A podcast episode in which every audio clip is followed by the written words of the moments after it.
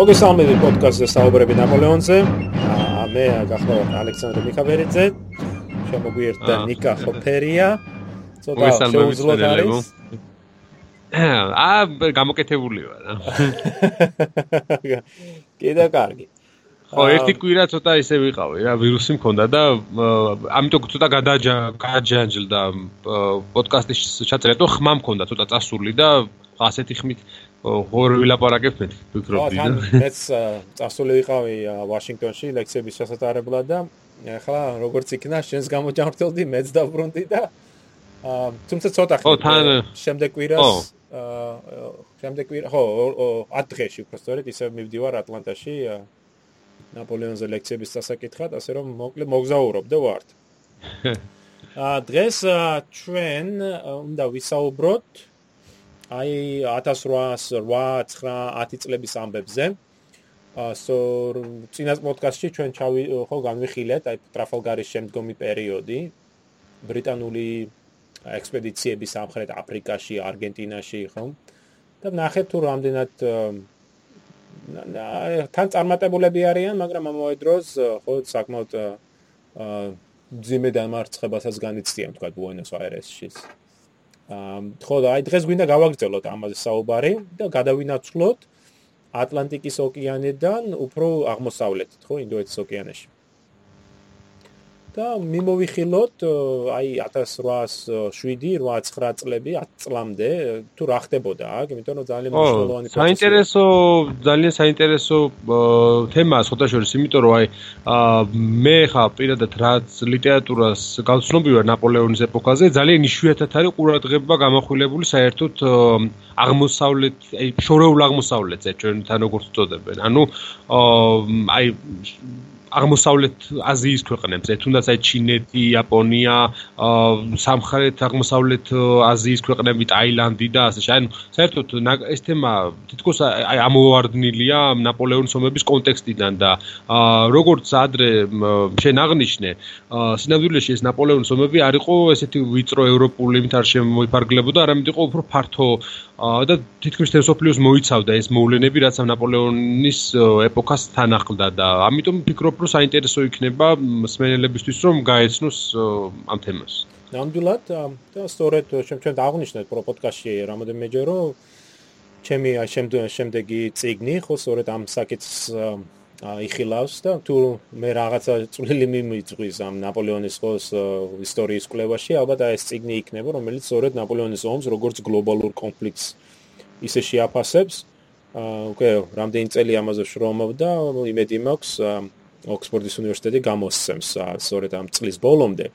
აი სწორედ ამ ციკლში მე ვცდილობ რომ წარმოვაჩინო ეს ნაპოლეონის ომები არა იმ ვიწრო ტრადიციულ ჭრილში როგორც ჩვენ ახსენები რომელიც კვერძოდ ნაპოლეონს და ევროპაზე აქცენტებს აქცენტს არამედ უფრო ფართო მასშტაბიან მოვლენა წარმოვაჩინო რომელიც მოიცავს როგორც ევროპაში მიმდინარე მოვლენებს ასევე ჩრდილო ამერიკაში ხო მალე ჩვენ ვისაუბრებთ ბრიტანეთსა და ამერიკას შორის მომხდარ დიდ კონფლიქტზე, რომელიც იმავე წელს დაიწყო, რაც ნაპოლეონის შეჭრა რუსეთში და ამიტომ გარკვეულწილად ხო, 1812 წლის ომი შეთაშორის თვითონ ამერიკელები ძალიან ეს დიდი პროპაგანდა აქვთ ამ ომისა ერთგვარად, იმიტომ რომ ძალიან ხშირად მხდება ხოლმე ამ თემაზე სტატიები და თითოეული ამ ომის მოვლენა ცალ-ცალკე თარიღებით და იმით ხშირად არის ხოლმე მითითებული და თავისი სურათები და ანუ ეთქო პოპულარული თემა ამერიკაში 1812 წლის ომი. იცი რა ხმოხდა 1812 წლის ომი ხო აი ამერიკის ომი 15 წელს დასრულდება და მე არის ერთი დაახლოებით პერიოდი დაახლოებით 160 წლის განმავლობაში როდესაც ამ ომს არავინ არ აქვს ყურადღებას და უწოდებენ დავიწყებულ ომს. და შემდეგ ერთი პროფესორია ახლობელი ადამიანი რომელიც სხვა შორის აქ ჩამომყავს რამოდენმე თვეში ლექციის სასაკითხად დონალდ ჰიკი რომელმაც აი ფაქტურად ერთმა კაცმა გააღვიძა ეს თელის სფერო.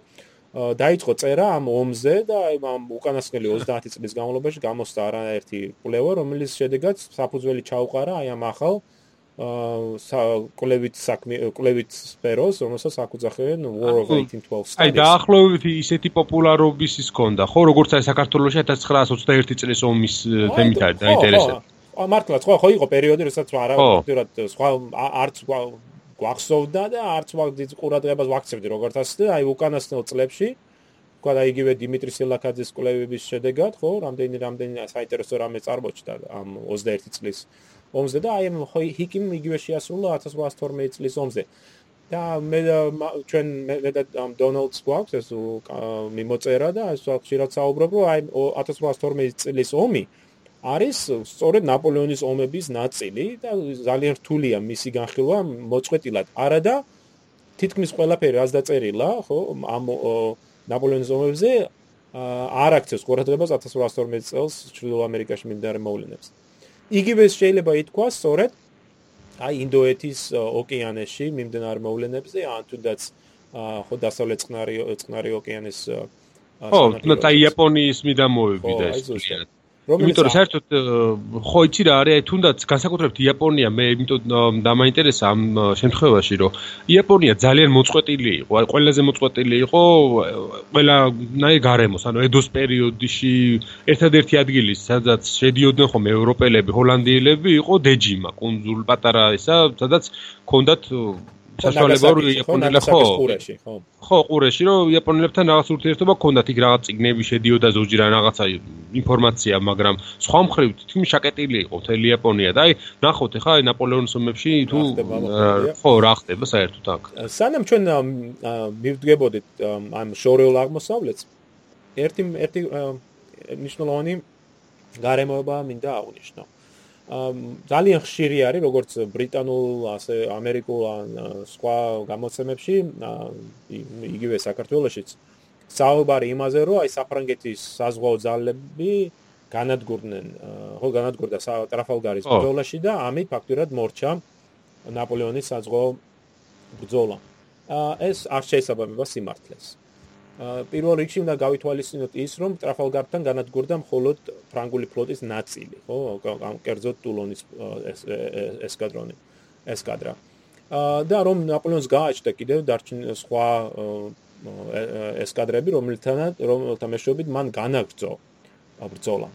მეორე რამ რაც მინდა აღნიშნო, ის არის რომ ჩემი ახლო მეგობარმა პროფესორმა კენეთ ჯონსონმა უკვე ბოლო 10 წლეულის განმავლობაში ძალიან საფუძვლიან იკვლევს ამ ნაპოლეონის საზღვაო ძალების ისტორიას. ფაქტურად არის ერთადერთი ინგლისურენოვანი სპეციალისტი საფრანგეთის საზღვაო ძალებისა. და აი მისი კვლევების შედეგად ნათლად ჩანს, რომ ნაპოლეონმა ტრაფალგარის შემდეგ წამოიწყო უზარმაზარი აღდგენითი სამუშაო, რომელთა რომელთა შედეგად 1814 წლისათვის ნაპოლეონს ეკნებოდა უფრო დიდი, რიცხობრივად უფრო დიდი საზღვაო ძალები, ვიდრე ბრიტანეთს გააჩნდა თვით ევროპაში.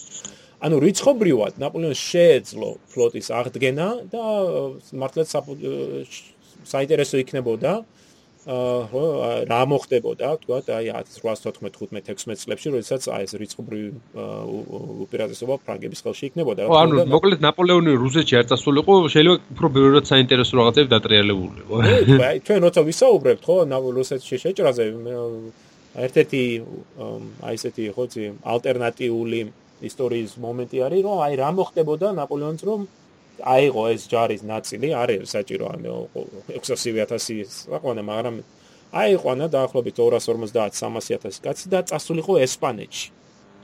ხო. ესპანეთში დაემარცხებინა ველინგტონის ბრიტანული ჯარი. რაშიც მართლა გითხრა მე ნაკლებად მეპარება ეჭვი.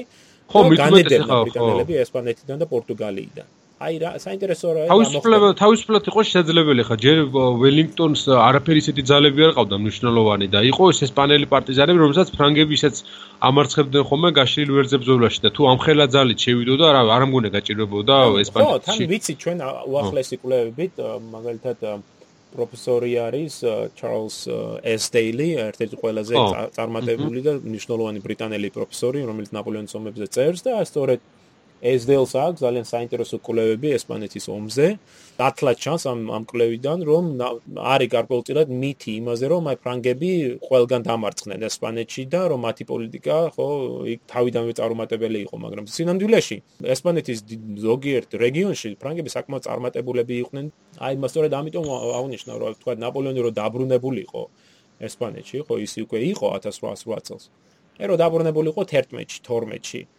წაიყვანა ეს ჯარი, მოეწისრიგებინა ესპანეთის საქმეები. აა თქვა დაეწყო, დაეწარმოებინა უფრო წარმატებული პოლიტიკა ესპანეთის კოლონიების მიმართ, ხო? აი აღიარებინა მათი ახალი ხელისუფლებები, რომელსაც ჩვენ ვისაუბრებთ ამას შემდეგ. აი ისტორია აბსოლუტურად სხვანაირად წარიმართებოდა. მაგრამ, აი, დავანებოთ ამას, დაი. აა რაც რაც მოხდა, მოხდა. საზღვაო ძალებზე საუბრობდით. ხო ჩვენ და ნაღვნიშნე რომ ორი რამო ორი ძირითადი რამე რასაც მინდა გავავლო ხაზი რომ ფრანგული საზღვაო ძალა მაინც შენარჩუნდა ტრაფალგარის შემდეგაც რამდენადაც ძლიერი დარტყმა კი იყო ტრაფალგარიმა მაინც და რომ ნაპოლეონის შემდეგ წლებში შეძლებს ამის აღდგენას. აი მაგალითისთვის მოვიყვან რომ ტრაფალგარის შემდგომ პერიოდში ფრანგული საზღვაო ფრანგულმა საზღვაო ძალებმა ჩაატარეს არაერთი ოპერაცია ატლანტიკის ოკეანეში რომელთა შედეგად მართლაც მიაყენეს საკმაოდ სერიოზული ზარალი ბრიტანულ სავაჭრო ინტერესებისათვის. ანუ ფრანგული ნაპოლეონმა შეცვალა ტაქტიკა და იმის ნაცვლად რომ გაეგზავნა ეს სახაზო გემები და ეწარმოებინა დიდი დიდი მასშტაბის ოპერაციები თვით ბრიტანული ფლოტის ინამდე. ამის ნაცვლად დაიწყო გაგზავნა უფრო ფრიგატებით შევსებული ესკადრების, რომელიც უფრო სტრაფი იყო, უფრო მანევრირებადი და აი სწორედ ამის შედეგად მან დიდი ზიანი მიაყენა ბრიტანულ სავაჭრო მიმოსვლას ატლანტიკის ოკეანეში. 1806 წლებში მაგალითად ფრანგი ადმირლების დიდი წარმატებით მოქმედებენ. მხოლოდ 1806 წელს მაგალითად 6 წლის პირველ ნახევარში თუ არ ვწდები, მათ შეძლეს 60 ბრიტანული სავაჭრო ხომალდის ჩაგდება, რომელთა საერთო ღირებულება იყო დაახლოებით 28 მილიონი ფრანკი.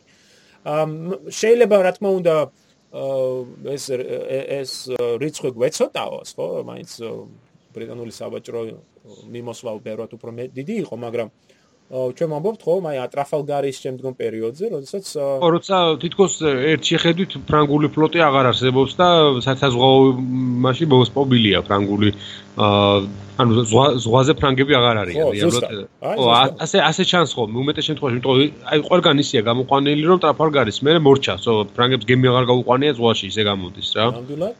უფრო მეტიც 1808 წელს მაგალითად ნაპოლეონმა გაგზავნა ესეთი სუპერ ფრიგატებს უწოდებდნენ, გაძლიერებული ფრიგატების ესკადრა, რომელსაც სათებეში ედგა. მე ძალიან წარმატებული ნიჭიერი მართლა საინტერესო პიროვნება, ადმირალი ჰამელინი, რომელიც ო, ჰამელინი. ჰამელინმა შეძლო ფაქტურად ინდოეთის ოკეანეში ბრიტანული სავაჭრო მიმოსვლის განეტრალება, რაც კი უმეტესობა მიმოსვლის, სავაჭრო მიმოსვლის ინდოეთის ბრიტანულის ინდოეთის ოკეანეში სწორედ ამ ამ ჰამელინის ესკადრის თავდასხმის ქვეშ მოექცა და საკმაოდ დიდი ზიანი მიაყენა კიდევაც ამ ჰამელინმა საბჭოთა 1809 წლისათვის ჰამელინის ესკადრა დიდი დანაკარგებს განიცდის. არა არა ბრძოლაში არამედ უფრო დიდი პრობლემა არის ამ ესკადრის იმისა რომ ამ ამ მუდმივი მოძრაობის ხო ოკეანეში ყოფნის შედეგად მათი ხომალდები წდება, ხო ფუჭდება. თან იცი რა არის, ხა ბრიტანელებს იმდენი პუნქტი ქონდათ, იქ რო შეეძლოთ ნებისმიერ ადგილზე მისულიყვნენ და გემები შეეკეთებინა და დახმარებაც მიიღო და ფრანგებს ანუ ამ ხრი უჭირდათ. ზუსტად და აი ამის შედეგად აი ეს ჰამელინის ესკადრა რო აი ფუჭდება ეს ხომალდები ვერ აკეთებენ მას. და საბოლოოდ ფაქტურად ამ ესკადრის მოქმედება 1809 წლისათვის მორჩება. მაგრამ ამას მნიშვნელოვანი შედეგი მოყვა იმაში რომ ბრიტანელები აი ამ ჰამელინის მოქმედების შედეგად იმდენად ასე შეწუხდნენ, ხო, იმდენად დიდი საფრთხე შეექმნათ მათ სავაჭრო ინტერესებს, რომ 1810 წელს მათ გადაწყვიტეს მოეწყოთ ძლიერი ექსპედიცია ფრანგული ძირითადი კოლონიის წინააღმდეგ, რომელიც ფრანგებს ჰქონდათ ინდოეთის ოკეანეში, ეგრეთ წოდებული მასკარენის კუნძულების წინააღმდეგ. რომელიც შედგება ფაქტობრივად ორი de France და Ile de Napoleon, როგორც მას მაშინ უწოდებდნენ. და სწორედ აი ამ კუნძულების წინააღმდეგ ბრიტანელებმა მოაწყეს ძლიერი ექსპედიცია, რომელიც მიზანი იყო ამ ამ კუნძულების ჩაგდება და ფრანგების საბოლოო განდევნა ოკეანედა, არი ინდოეთის ოკეანედა. ბრიტანელებისთვის მოულოდნელად ეს ექსპედიცია დასრულდა სრული კატასტროფით, ასე რომ ვთქვათ. 1810 წელს ივლისში, როდესაც ბრიტანელები მიადგნენ კუნძულებს, ფრანგებმა გაუწიეს გაფთრებული წინააღმდეგობა ხოლო აგვისტოში, როდესაც ბრიტანელმა ფლოტმა სადა ძირითადი პორტის პორტში შესვლა, ფრანგებმა დაამარცხეს ეს ბრიტანული ფლოტი და მიაყენეს დიდი დანაკარგი. აი ეს ბრძოლა, რომელსაც უწოდებენ გრან პორტის ბრძოლა, 22-23 აგვისტოს მოხდა 1800 წლის, წარმოადგენს ბრიტანელების ერთ-ერთ ყველაზე მძიმე დამარცხებას, საზღვაო დამარცხებას ამ მე-19 საუკუნეში და სწორედ ეს ხდება აი ტრაფალგარის შემდგომ, ხო? რასაც კიდევ ერთხელ მინდა ეს ღაზი გაუსვა. სხვა შორის აი ამ დამარცხებამ გრანდპორტთან გამოიწვია პოლიტიკური სკანდალი ბრიტანეთში. საუბარი იყო თუ რატო დამარცხდა ბრიტანელები სწორედ იმ დროს, როდესაც ფაქტობრივად ზღვა მათი უნდა ყოფილიყო, ხო? ამ სკანდალის დისკუსიის შემდეგ გადაწყვეტილება იქნა მიღებული მოემზადებინათ უფრო დიდი მასშტაბის ექსპედიცია და მართლაც ისინი დაბრუნდებიან, ბრიტანელები დაბრუნდებიან 1811 წელს და ისინი განადგურებენ ფრანგელ კოლონიებს ამ მასკარენის კონძულებზე და ნუ გარკვეულწილად გრანდპორტის წარმატება ფრანგების წარმატება გამოდგა საბედისწერო, ხო? იმ განარისხა ბრიტანელები. ო, პრინციპში თვითონ ჰამელინის ხო ჩაიგდეს თქვა ბრიტანელებმა. დიახ, აი იმის შედეგად ხო ეს ესკადრა რომ დაუსუსტდა, შემდეგ საბოლოოდ ჰამელინი მართლაც თქვა ჩავარდა. მაგის გემზე ერქო ვენუსი, ხო? ხო. ვენუსი და სეილოს. მასკარენის კონდულებში მიმდინარე მოვლენების პარალელურად უნდა აუნიშნო, რომ ბრიტანელები წაწარმოებენ ძალიან ფართომასშტაბიან მოქმედებებს ინდოეთის ოკეანის სხვა ნაწილებშიც. და აი აქ ჩვენ ხედავთ მათ მიზანს და და მოახდინონ თავისი ძალაუფლების კონსოლიდაცია მთელს რეგიონში, ხო? და აი ვაჭრობის გაკონტროლება მოახდინონ. ამ ამ სამისოთ მათ ესაჭიროებათ ჩინეთთან ურთიერთობის დამყარება. შენ უკვე აღნიშნე ამ ჩვენი საუბრის დასაწყისში რომ იაპონია იყო ჩაკეტილი ხომ ასე თქვა იზოლირებული დასავლეთისაგან ამ დანარჩენ სამყაროსაგან იყო მხოლოდ აი ჰოლანდიელთა კოლონია ხო დეჯიმას კონსულზე ნაგასაკიში იგივე შეიძლება ითქვას გარკვეულწილად სწორედ ჩინეთზეც ხო ჩინეთი ბევრად უფრო დიდი სახელმწიფოა ბევრად უფრო მძლავრი მაგრამ არც ჩინეს მანჯური მანჯურიელი იმპერატორების დინასტია კინგ ამ დროისაც უკვე ხო მათ შეიცვალეს სახელი და კინგის ჩინგი იმპერატორები გახდნენ. მგონი ცინ ცინათ არის ხომ ქართული ბაში. ქართულად ხო? კი. და სწორედ მათ არ აქვს იმდენი სურვილი რომ გახსნათ ხო ის თავისი სავაჭრო ხო სივრცე ევროპისათვის. ვიცით მაგალითად რომ 1790-იან წლებში როდესაც ბრიტანელებმა გაგზავნეს სპეციალური დელეგაცია ხო ჩინეთში ეს დელეგაცია უკან იქნა მოbrunებული მართალია კი შეხვდა თვით იმპერატორს ბრიტანელი წარმომადგენელი მაგრამ მან ვერ შეძლო დაერწმუნებინა იმპერატორი ჩინეთსა და ბრიტანეთს შორის სავაჭრო ურთიერთობის დამყარების საჭიროებაში. ანუ ბრიტანეთს აქვს ძალიან დიდი ინტერესი რომ დაამყაროს ეს ურთიერთობა, რომ ჩინეთმა გახსნას თავისი ბაზარი ხო ბრიტანული სავაჭრო ინტერესებისათვის და რა თქმა უნდა ჩინეთს უნდა ის უბრალოდ ბრიტანეთს უნდა და აი ჩინური ნაწარმის ჩაის თუნდაც აბრეშუმის ან თაიფურის ნაწარმის ხო შეძენას. და რაზედაც ჩინელები მართლაც არ არიან თქვათ აქტკინებულები ამავე დროს ჩინეთს აქვს ურთიერთობა ევროპასთან და მათ დართესნება პორტუგალიელებს ჩვენ ვიცით ხო ეს ჯერ კიდევ მე-16 საუკუნე მოყოლებული პორტუგალიელებს დარტეს ნება რომ დაემყარ შეექმნა პატარა კოლონია ქალაქ კანტონთან და ეს კოლონია არსებობდა კუნძულ მაკაოზე. ანუ აქ უკვე რამდენიმე საუკუნის განმავლობაში პორტუგალიელებს აქვთ ურთიერთობა ჩინელებთან.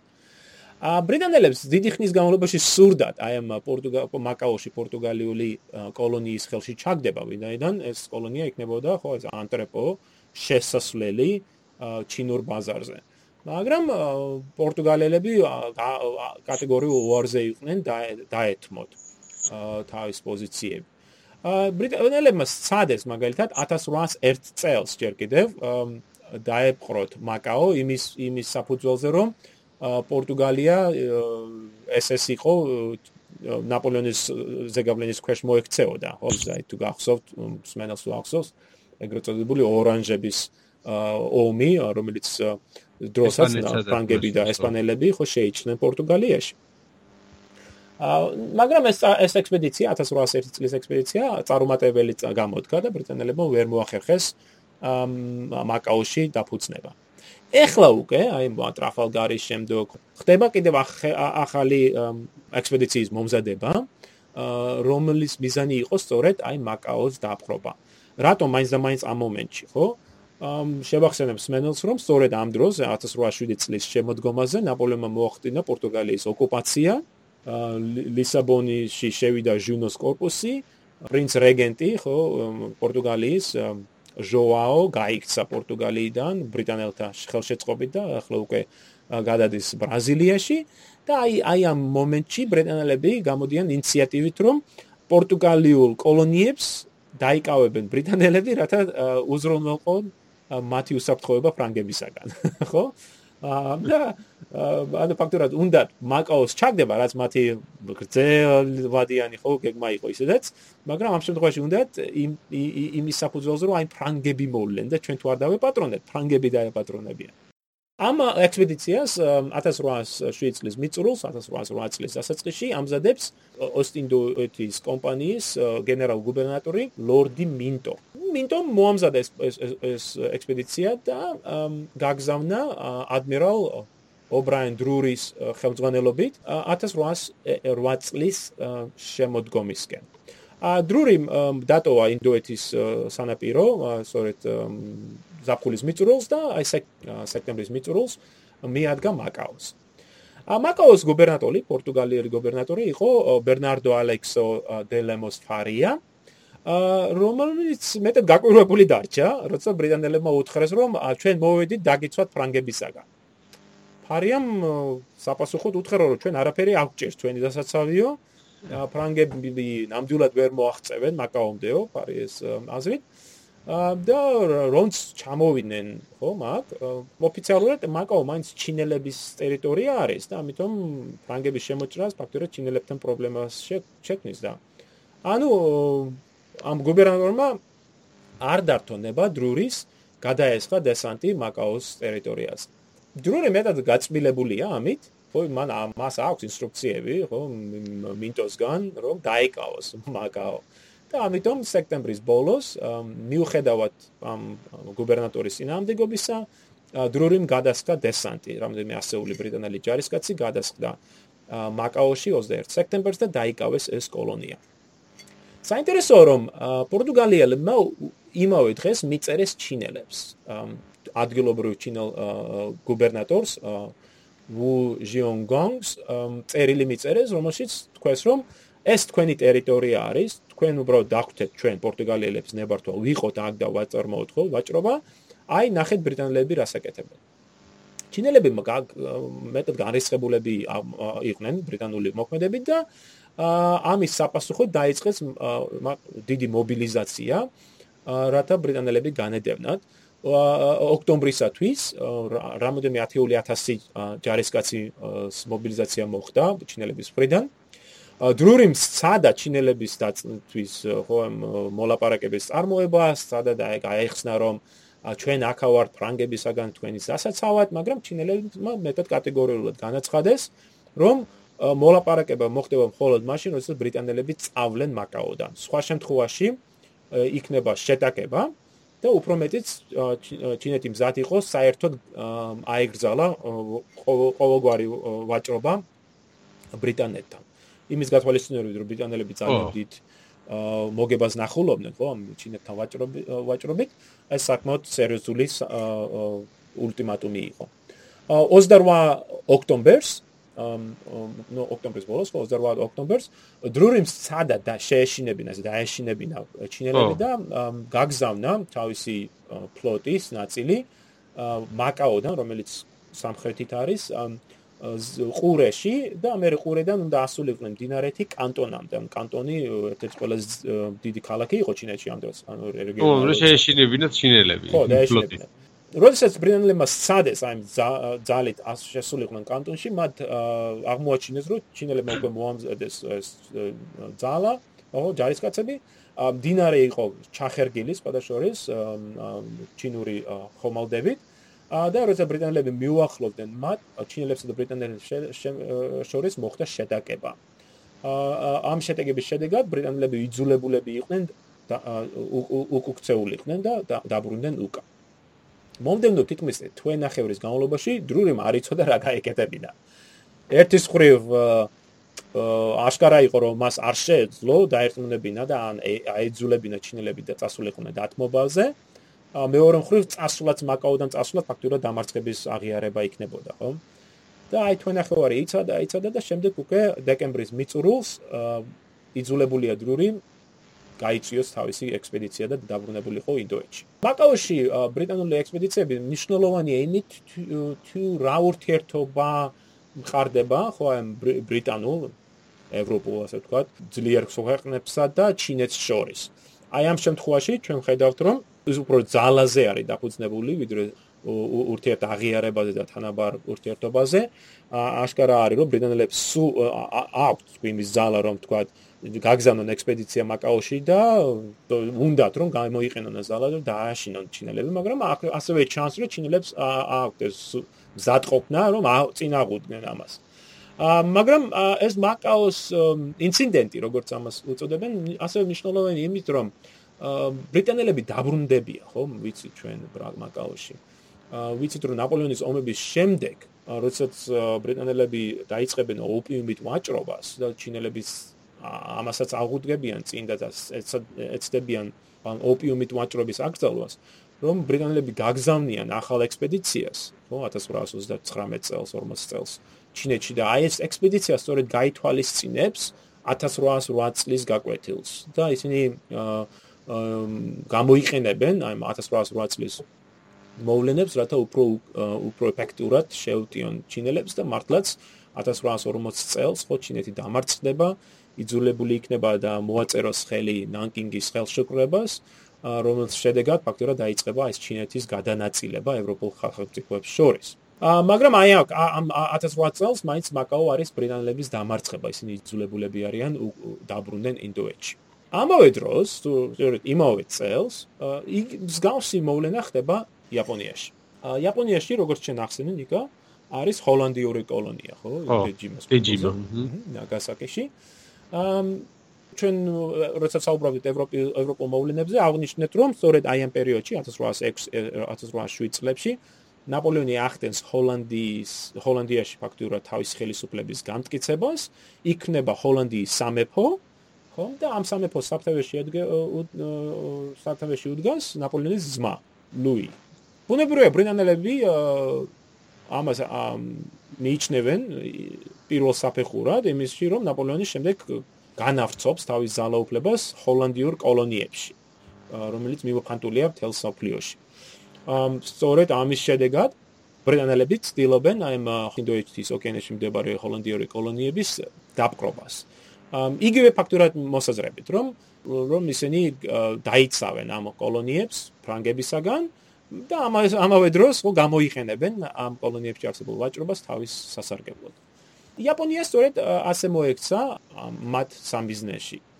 ეს იგივე წელია ხო 1808 წლის საფხულის მიწვეული არის. და იაპონური ხელისუფლება აი ნაგასაკიში როგორც ყოველთვის მოელოდა ბოლო აი ეს უკანასკნელი ჰოლანდიური ესკადრის გამოჩენას. როგორც წესი, ზაფხულის მიწურულს ჩამოდიოდნენ ჰოლანდიელები, ყიდულობდნენ საქონელს და მერე მიდიოდნენ და ერთი წელი, ხო, ერთი წლის შემდეგ დაბრუნდებოდნენ. და ელოდებიან სწორედ აი ამ ესკადრის გამოჩენას აგვისტოს მიწურულს და მართლაც დაინახეს ხომალდი, რომელიც შევიდა ამ ნაგასაკის ყურეში. შეხედეს ჰოლანდიური დროშა უკიდია, შესახედავადაც ასე ვთქვათ, ჰოლანდიურ ხომალდს გავდა. როგორც წესი და იგი იყო, როცა ხომალდი შემოდიოდა ნაგასაკის ყურეში, იაპონ ადგილობრივი იაპონური ხელისუფლების წარმომადგენლები გადიოდნენ ნავით ხომალთან, როცა შეემოწმებინათ ის და მე ის მას ეძლეოდა საშუალება შესულიყო თვითონ დეჯიმაში. და ეხლაც ადგილობრივი ხელისუფლების წარმომადგენლები ჩაჯდნენ ნავში, გაწურეს ამ ამ გემთან და როცა ავიდნენ გემზე, აღმოაჩინეს რომ ეს იყო ბრიტანული გემი. ფაეტონი, რომელსაც სათავეში ედგა 27 წლის კაპიტანი ფლიტვუდ პელეო. პელეომ იქვე დააკავა იაპონელი წარმომადგენლები და მოითხოვა კოლონიის გადაცემას ბრიტანეთისათვის და რაც თავია სურსასანოვაგეს და სხვა საქონლის ბრიტანელებისთვის გადაცემას. რა თქმა უნდა, ეს იყო იაპონელებისათვის ეს მოულოდნელი ამბავი იყო. შეიძლება ითქვას, რომ ეს პირველი შემთხვევა არის, როდესაც აი ევროპული ქვეყანა ძალ ძალით, ხო, ძალადობრივი მეთოდით ცდილობს იაპონური პორტის გახსნას სათავისოდ. საპასუხოდ, როგორც ეს ჩინეთში მოხდა, ნაგასაკის ხელისუფლებამ მოხდა მოახდინა 8000-ზე მეტი ჯარისკაცის მობილიზება. თუ შეხედავთ რუკას, ჩვენ სხვა შორის გვაქვს საინტერესო რუკა ამ ნაგასაკის ყურეს, იაპონელებს გააჩნდა სანაპირო ბატარეები, ხო, საარტილერიო ბატარეები, მაგრამ სწორედ აი ამ შემთხვევაში აღმოჩნდა, რომ ეს ბატარეები აღჭურვილი იყო ისეთი ძველი ქვემეხებით, ხო, მე-16 მე-17 საუკუნის ქვემეხებით, რომელთაც არ შეეძლოთ ბრიტანელებისათვის რაიმე საფრთხის შექმნა. პირიქით, დაპირის სამხედრო ხო დაპირისპირების შემთხვევაში ბრიტანელები მათ გაანადგურებდნენ თავისი артиლერიით. ეს ინციდენტი რამდენიმე დღეს გაგრძელდა და საბოლოოდ მოხდა შერიგება, ასე რომ ვთქვათ, იაპონელებმა უარი თქვეს თუმცა ნაგასაკის გადაცემაზე, მაგრამ დათმობაზე წავიდნენ, გადასცეს პელეუს სურსა სანავაგე და სხვა საქონელი და ამის შემდეგ პელეუ წავიდა. ნაგასაკის ინციდენტი ბევრი რამის გვეუბნება ჩვენ თანამე აი იმ დროინდელ იაპონიაზე. გვეუბნება როგორც იაპონიის იაპონიაში ტექნოლოგიურ ჩამორჩენილობაზე ხო რომ სამხედრო მხრივ ხო რომ არ შეუძლიათ ბრიტანული სამხედრო ძალის წინამდე გამოსვლა. ასევე გვეუბნება პრობლემებზე სამოქალაქო და სამხედრო ადმინისტრაციაში. სხვა შორის სწორედ ამ ინციდენტის შემდეგ ნაგასაკის მაგისტრატმა ხო თავი მოიკლა რადგან თავი შეირცხვინა ხო და აღსანიშნავია რომ ამ ამ თავდასხმის შემდეგ იაპონელებმა დაიწყეს სანაპირო თავდაცვის გაუმჯობესება და შემდეგი თითქმის 20 წლის განმავლობაში ისინი ცდილობენ ამ თავდაცვითი სისტემის გაძლიერებას, გაუმჯობესებას, სამხედრო ადმინისტრაციაში რეფორმების ჩატარებას მაგრამ აქ იაპონელები აწყდებიან ერთ მნიშვნელოვან პრობლემას. როგორ გინდა, აი, გარდაქმნა ეს თავდაცვითი სისტემა ევროპული ტექნოლოგიის გარეშე. გჭირდება ხო, ახალი თაობის ამ უკეთესი ხარისხის ქვემეხები. ეს ქვემეხები იქნება ევროპაში.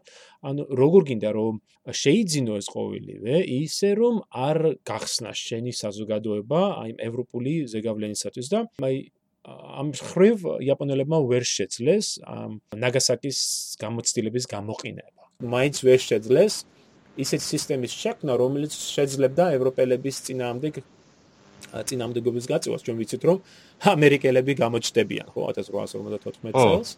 ამ კომოდორი მეტიუ პერი მოადგება თავისი შავი ესკადრით და აიძულებს იაპონიას გახსნას თავისი ბაზარი, ხო, თავისი სავაჭრო სივრცე ამერიკის სავაჭრო ინტერესებისათვის. ანუ აი აქ ჩვენ ხედავთ ამ კავშირს, რომ ნაგასაკის ინციდენტი, პირველი შემთხვევა არის, ასე დაპირისპირებისა იაპონიასა და აი ეს ევროპული სახელმწიფოს, აი ევროპული ძლიერი სახელმწიფოს შორის და იაპონელებმა ვერ გამოიყენეს ის, რათა თქვათ მომზადებულიყვნენ შემდეგი უკვე შემთხვევებისაც, რომელიც მომავალში მოხდებოდა. აღსანიშნავია, რომ ბრიტანელების შეჭრა იაპონიაში ერთ-ერთი ინციდენტი არ არის. სწორედ ამავე პერიოდში ხდება რუსების მიერ იაპონიაში შეჭრები. ამ ხრივ აღსანიშნავია نيكოლოზ რეზანოვი, რომელიც გაგზავნილი იყო შორეულ აღმოსავლეთში რუსული სავაჭრო ინტერესების დასამტკიცებლად და აი რეზანოვი იყო ჩასული იაპონიაში, სადა რუსეთსა და იაპონიას შორის სავაჭრო ურთიერთობების დამყარება, მაგრამ ის იმდენად აუტანლად მოქმედებდა, იმდენად აბუჩად აგდებდა იაპონელებს, რომ ისინი გადდევნილი იქნა და აი მომდენო რამდენიმე წლის განმავლობაში 1806-7-8 წლებში აი რეზანოვი აწარმოებს თავდასხმით ოპერაციებს ჩრდილო იაპონიის პორტებზე. სხვა შორის მან გადაწვა თქვა მაგალითად იაპონი იაპონური დასახლებები სახალინის და კურილის კუნძულებზე რითაც დიდი ზიანი მიაყენა იაპონურ სავაჭრო ვაჭრობას ჩრდილოეთში. და აი ახაც ჩანს რომ იაპონელებმა ვერ შეძლეს აი ამ ამ ინციდენტების აღკვეთა. აზიაში აი მოვლენებზე საუბრისაც უნდა ვისაუბროთ რა თქმა უნდა ინდოეთში მოხდა მოვლენებზე ვინაიდან აი ამ ყოველ დღეს აღნიშნულ მოვლენებს შორის ყველაზე მაინც მნიშვნელოვანი არის ის რაც მოხდა ინდოეთის ნახევარ კონტინენტზე სუბკონტინენტზე ამ ჩვენ ვისაუბრეთ გარკვეულწილად თუ რა ხდებოდა ინდოეთში, როცა ჩვენ განვიხილავდით ნაპოლეონის კამპანიას ეგვიპტეში, ხომ? რომ ამ კამპანიას ჰქონდა ძალიან დიდი ზეგავლენა ბრიტანულ პოლიტიკაზე ინდოეთში. 1798 წელს, სწორედ მაშინ, როდესაც ნაპოლეონი მიდის ეგვიპტეში, ბრიტანელებმა გაგზავნეს ახალი გენერალ-გუბერნატორი ოსტინდოეთის კომპანიის რიჩარდ უელსლი, ართურ უელსლის, ველინგტონის ჰერცოგის ძმა. რიჩარდ უელსლი უაღრესად საინტერესო პიროვნება არის. ერთ-ერთი მისი биогრაფი სწორედ აღნიშნავს, რომ გარკვეულწილად უელსლი იყო აი ბრიტანელი ნაპოლეონი, რა, თავისი სოფხვედველობით, თავისი მეთოდებით, აა შეიძლება სამხედრო თვალსაზრისით არ იყო ისეთი ნიჭიერი როგორც ნაპოლეონი, მაგრამ აი პოლიტიკას და დიპლომატიას რაც შეეხება, უელსლი ძალიან წარმატებული პიროვნება იყო და თამართლად თელი თავის ცხოვრება. მა, იმი ველინგტონის ძმაზე ამბობ? დიახ. ხო. ველინგტონი ხო, აი თავისი ადრეულ კარიერაში დაჭრდილული არის ამ რიჩარდის მიერ. და სწორედ რიჩარდმა შეძლო აი არტურის ხო წაყვანა ინდოეთში, სწორედ 98 წელს სწორედ რიჩარდმა მისცა პირველი თქო სამუშაო არტურ და აი სწორედ რიჩარდის ხელქვეშ შეძლო არტურმა თავის სამხედრო ნიჭის წარმოჩენა. აღნიშნეთ, რომ აი ნაპოლეონის აი აგრესიული პოლიტიკა, რომელიც ჩვენ ვამიხილეთ წინა პოდკასტებში, აძლევს საშუალებას ბრიტანელებს, თქვენ რომ ნაპოლეონი ცდილობს ამ სოფლიოს სხვადასხვა წერტილის დაპყრო. გარკვეულწილად მართალი არის, იმიტომ რომ ნაპოლეონს აქვს ეს თქვა ჩანაფიქრში, რომ თქვა გაგზავნა მან ექსპედიცია ავსტრალიაში, ხო, ჩვენ ვიცით, ბოდენის ექსპედიცია იყო წასული ავსტრალიაში. მაგრამ საკითხია, საკითხავი არის შეძლო თუ არა პრაქტიკაში, ხო? ნაპოლეონს მართლაც აი თავისი სამხედრო ექსპედიციის ან პოლიტიკური ზეგავლენის გაგზავნა და ეს დამყარება აი შორეულ წერტილებში როგორც ავსტრალია ან ინდოეთი ან ან ან სხვა სოფლის ხანაწილებია. მაგრამ აი ბრიტანელებისათვის ეს ეს მხარე ნაკლებად საინტერესოა, შეუძლია თუ არა. არამედ ძირითადი აქცენტი იმაზე არის, რომ მას შეეძლება 5, 6, 10 წლის შემდგომ შეეძლება ამის გაკეთება და ამიტომ მათ უნდა დაასწრონ ნაპოლეონს. ეს აშკარად ჩანს უელსლის მიმოწერაში და მე მქონდა საშუალება წამეკითხა ათობით წერილი, რომელიც უელსლის აქვს დაწერილი 1798 წლიდან 1805 წლამდე, სანამ ის ინდოეთშია. და ჩვენ ვხედავთ, რომ მისი აზრით აუცილებელი არის ბრიტანული ხელისუფლების დამყარება ინდოეთის თელს ხო სუბკონტინენტზე რათა არ დაუშვან ფრანგების ზეგავლენა აქ. სწორედ ამის შედეგად ხდება, ვთქვათ, აი ეს ცნობილი ინგლისელ მასორული ომი, ხო, მასორსა და ინგლისის შორის 1799 წელს, ვინაიდან მასორის ხელმწიფე, ხო, ტიპუ სულტანი აშკარად პროფრანგული სულისკვეთების იყო და აუცილებელი იყო მისი განადგურება. და აი ველსლიმ მართლაც შეძლო ამის გაკეთება. მაისორის დედაქალაქი ხო სერინგაპატამი იქნა ხელ ჩაგდებული ტიპუ სულტანი ბრიტანელებმა მოკლეს. ამის შემდეგ უკვე 1803-4 წლებში უელსლიმ დაიწყო ახალი პოლიტიკის წარმოება ინდოეთის თელს სუბკონტინენტზე. კერძოდ, ის უკავშირდებოდა აქ არსებულ სახელმწიფოებს და მათ აძლევდა არჩევანს.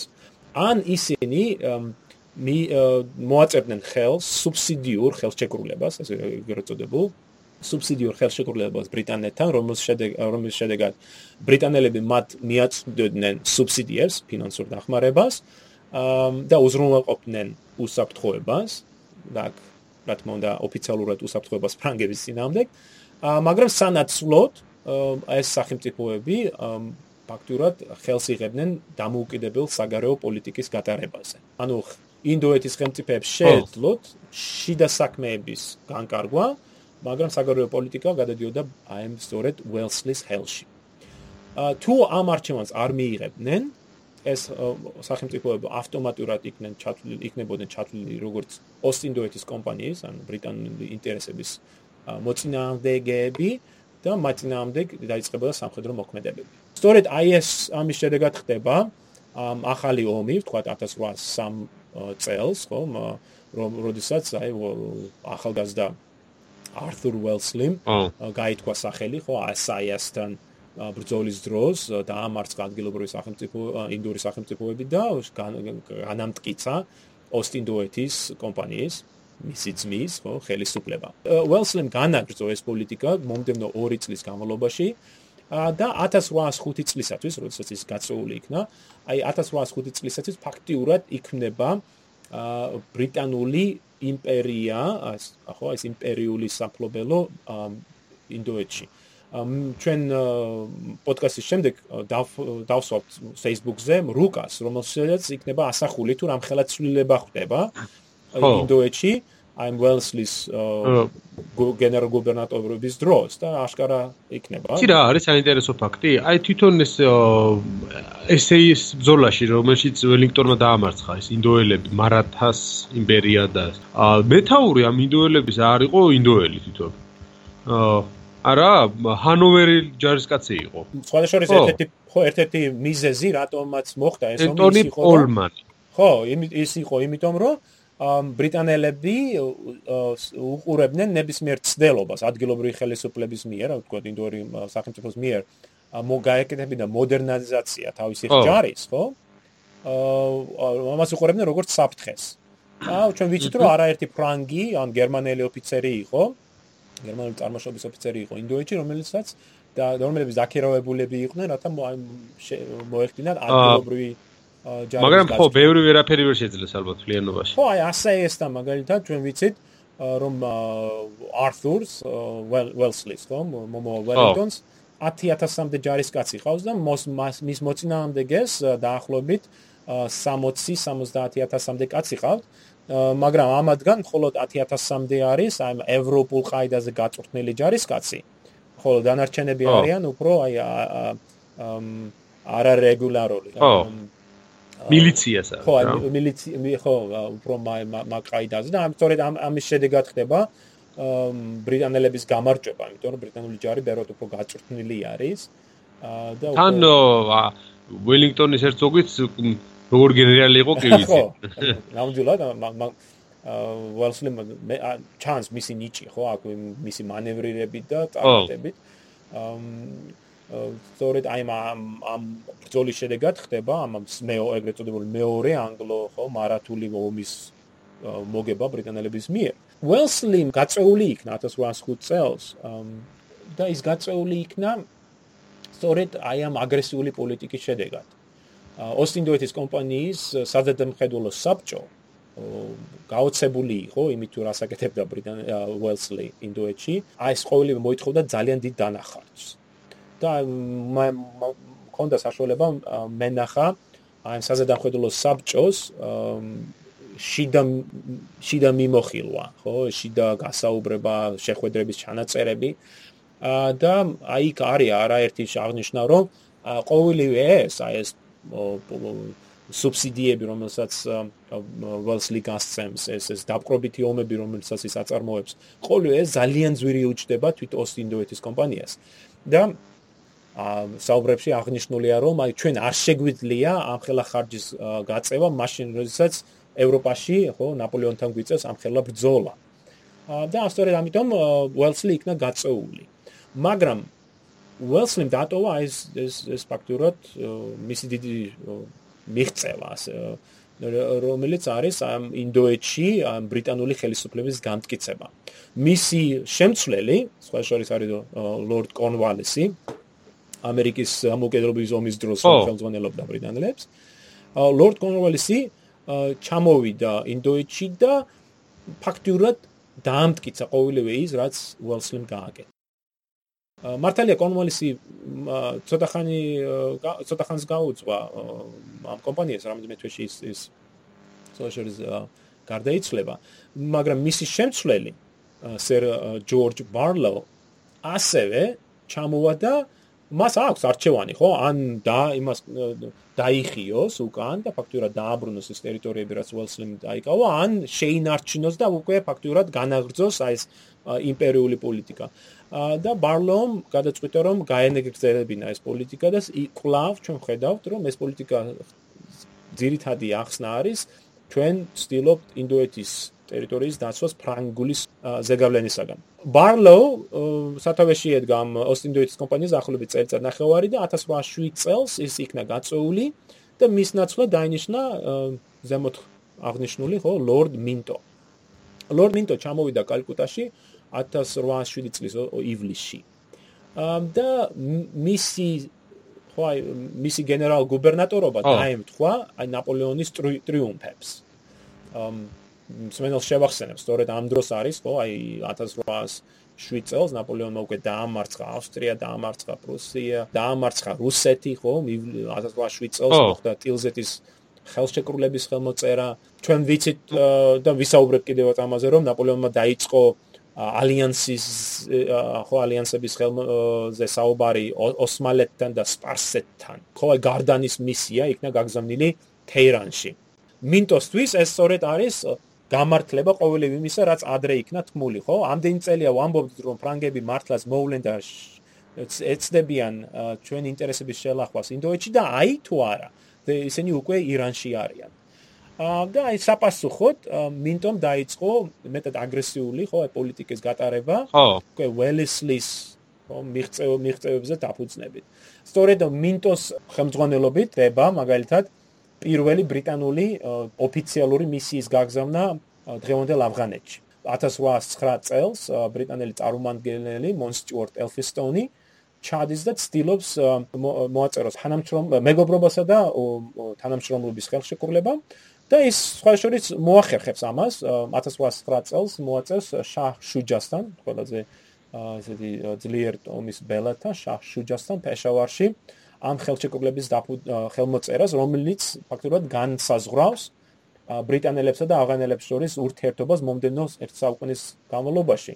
სწორედ აი აქ ჩვენ ხედავთ აი ამ სუბსიდიური ურთიერთობის დამყარებას, რომელიც მიხედვით ავღანელები თავიანთ საგარეო პოლიტიკაში ხო ხელმძღვანელებენ აი ბრიტანული ინტერესები. სწორედ ამავე პერიოდში 1808 წელს სწორედ ამ მაშინ როცა ბრიტანელები მიდიან მაკაოში, როცა ისინი თავს ესმიან ნაგასაკიზე, ხო? სწორედ 1808 წელს ორი მისია ჩადის სპარსეთში. პირველი სერ ჯონ მალკომის ხელმძღვანელობით, მეორე სერ ჰარტფორდ ჯონსის ხელმძღვანელობით, რომელთა მიზანი არის ფრანგული ინტერესების განდევნა ირანიდან და მათი ჩანაცვლება ბრიტანული ინტერესებით. რასაც ისინი ძალიან წარმატებით ახდენენ კიდევაც. ვინაიდან 1809 წლისათვის ფატალიშა მოაწერს სუბსიდიურ ხელშეკრულებას ბრიტანეთთან, რომელიც აღუთქვავს ირანს 120.000 ფუნტ სტერლინგს ყოველ წელიწადს იმის სანაცვლოდ რომ ირანი არ დაუშვებს ფრანგულ ფრანგულ ზეგავლენას ან ფრანგულ ჯარს თავის ტერიტორიაზე. ფოტოშორის იცი რა არის ამ ამ პერიოდის ბრიტანელი მოღვაწეები რომლებიც ირანში ჩადიან ერთ-ერთი საქართველოსიც საკმაოდ ცნობილი ეს არის ჯეიმს მორიერი რომელმაც დაწერა ჰაჯი ბაბა ისპაჰანელის თავგადასავალი და ეს ციგნი ქართულ ენაზეც არის გამოცემული და ძალიან საინტერესო ისტორიებს შეიცავს ახლო აღმოსავლეთზე და ზოგადად ირანზე, ოსმალეთზე, სხვა შორის საქართველოს ხშირად არის ნახსენები ქართველები ირანში და ესეთი მსგავსი თემები. აა კიდე ცირა არის საინტერესო, აი სწორედ საქართველოსთან მიმართებით, ხო? 1807 წლის თებერვალში ირანსა და საფრანგეთს შორის დაიდო ის ფინკენშტაინის ხელშეკრულება, ხო? სტელობა ალიანსის ირანსა და საფრანგეთს შორის, რომელს შედეგად ნაპოლეონმა საქართველოს მიაკუთვნა იმას ირანს. შემდეგ ივლისში 1807 წლის ივლისში, ხო, ნაპოლეონი ხელს აწერს ტილზიტის ხელშეკრულებას რუსეთთან და რა ხდება იქ? იქ რუსეთის შემადგენლობაში აღიარებს საქართველოს.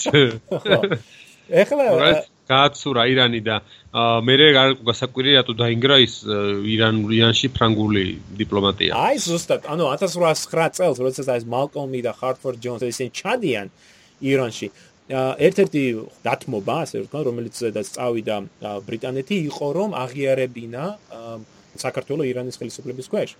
და მე ამას წინათ ვიყიდე კიდევაც რამოდენმე რუკა, აი სწორედ 1808 წლიდან 1812 წლამდე გამოცემული რუკები და საინტერესოა ეს ევოლუცია, ასე ვთქვა, რუკების. ფრანგულ რუკებზე 1807 წელს გამოცემულ ფრანგულ რუკებზე საქართველოს არის ირანის შემადგენლობაში. მე უკვე 1809 წელს და და 12 წელს გამოცემულ ფრანგულ რუკებში ის არის რუსეთის საზღვრებში. და ამავე პერიოდში ბრიტანული რუკა პინკერტონმა გამოსცა ძალიან ლამაზი რუკა არის. ეს საქართველოს არის ირანის საზღვრებში მოქცეული. და ჩვენ ხედავთ აი ამ ევროპულ დაპირისპირებას, ხო, ამ ირანის გაკონტროლებაზე და ამის ერთ-ერთი ძალიან დიდი შემოგვიდგენელი ნაწილი სწორედ საქართველოს არის.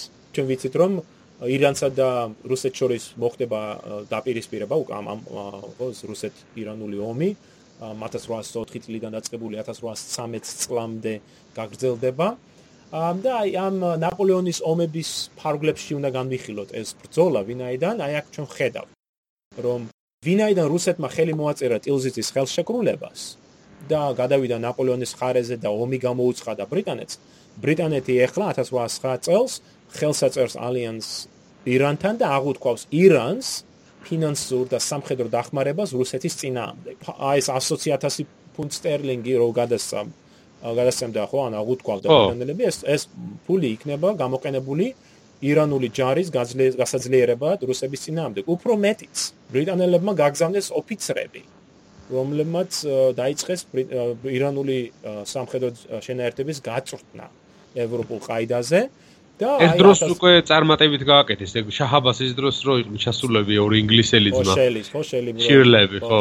ამ შემთხვევაში ბრიტანელებმა გაწვრთნეს სხვა შორის რამოდენიმე შენაერთი და უკვე 1811 და 12 წლებში როდესაც ირანსა და რუსეთს შორის ომი მიმდინარეობს ამ ამ ბრძოლებში სხვა შორის ბრიტანელები მონაწილეობენ. და რაც საკმაოდ საინტერესოა, ვინაიდან 1812 წელს, როდესაც ბრძოლა არის, ხო, კავკასიაში, ამ დროს რუსეთსა და ინგლისს შორის ხდება ახალი, ხო, მეექვსე კოალიციის ხელშეკრულების მოლაპარაკება, რუსეთსა და ინგლისს შორის ალიანსი იქნება, მაგრამ კავკასიაში ინგლისელები იბრძვიან ირანის მხარეზე რუსების წინააღმდეგ. საბოლოოდ, ხო, ინგლისელები მოახერხებენ ამ ირანთან ურთიერთობიდან ასე ვთქვათ გამოსვლას და 1814 წელი წელს მოხდება აი საბოლოო ზავის ხელშეკრულების ხელმოწერა ირანსა და ბრიტანეთს შორის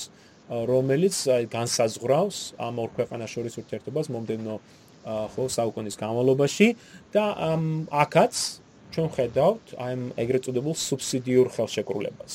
ბრიტანელები აღუთქვავენ ფინანსურ დახმარებას, ირანისგან კი მოელიან ამ საგარეო პოლიტიკაში ბრიტანული ინტერესების დაცვას. მე მგონი დავასრულეთ ჩვენ დღევანდელი საუბარი ამით და შემდგომ პოდკასტში უკვე გავაგრძელებთ იმ ომების ნაპოლეონის ომების სერიას ევროპაში 1812 წლის ომით რომელიც ნაპოლეონის საერთოდ ეპოქაში ერთ-ერთი გარდამტეხი მოვლენაა, მთავარი გარდამტეხი მოვლენაა, რომელმაც შემდგომი კურსი უკვე ისტორიის და ნაპოლეონის ცხოვრების და მთლიანად შეცვალა. ნამდვილად, შემდეგ შეხვედრამდე. მოულ შეხვედრამდე.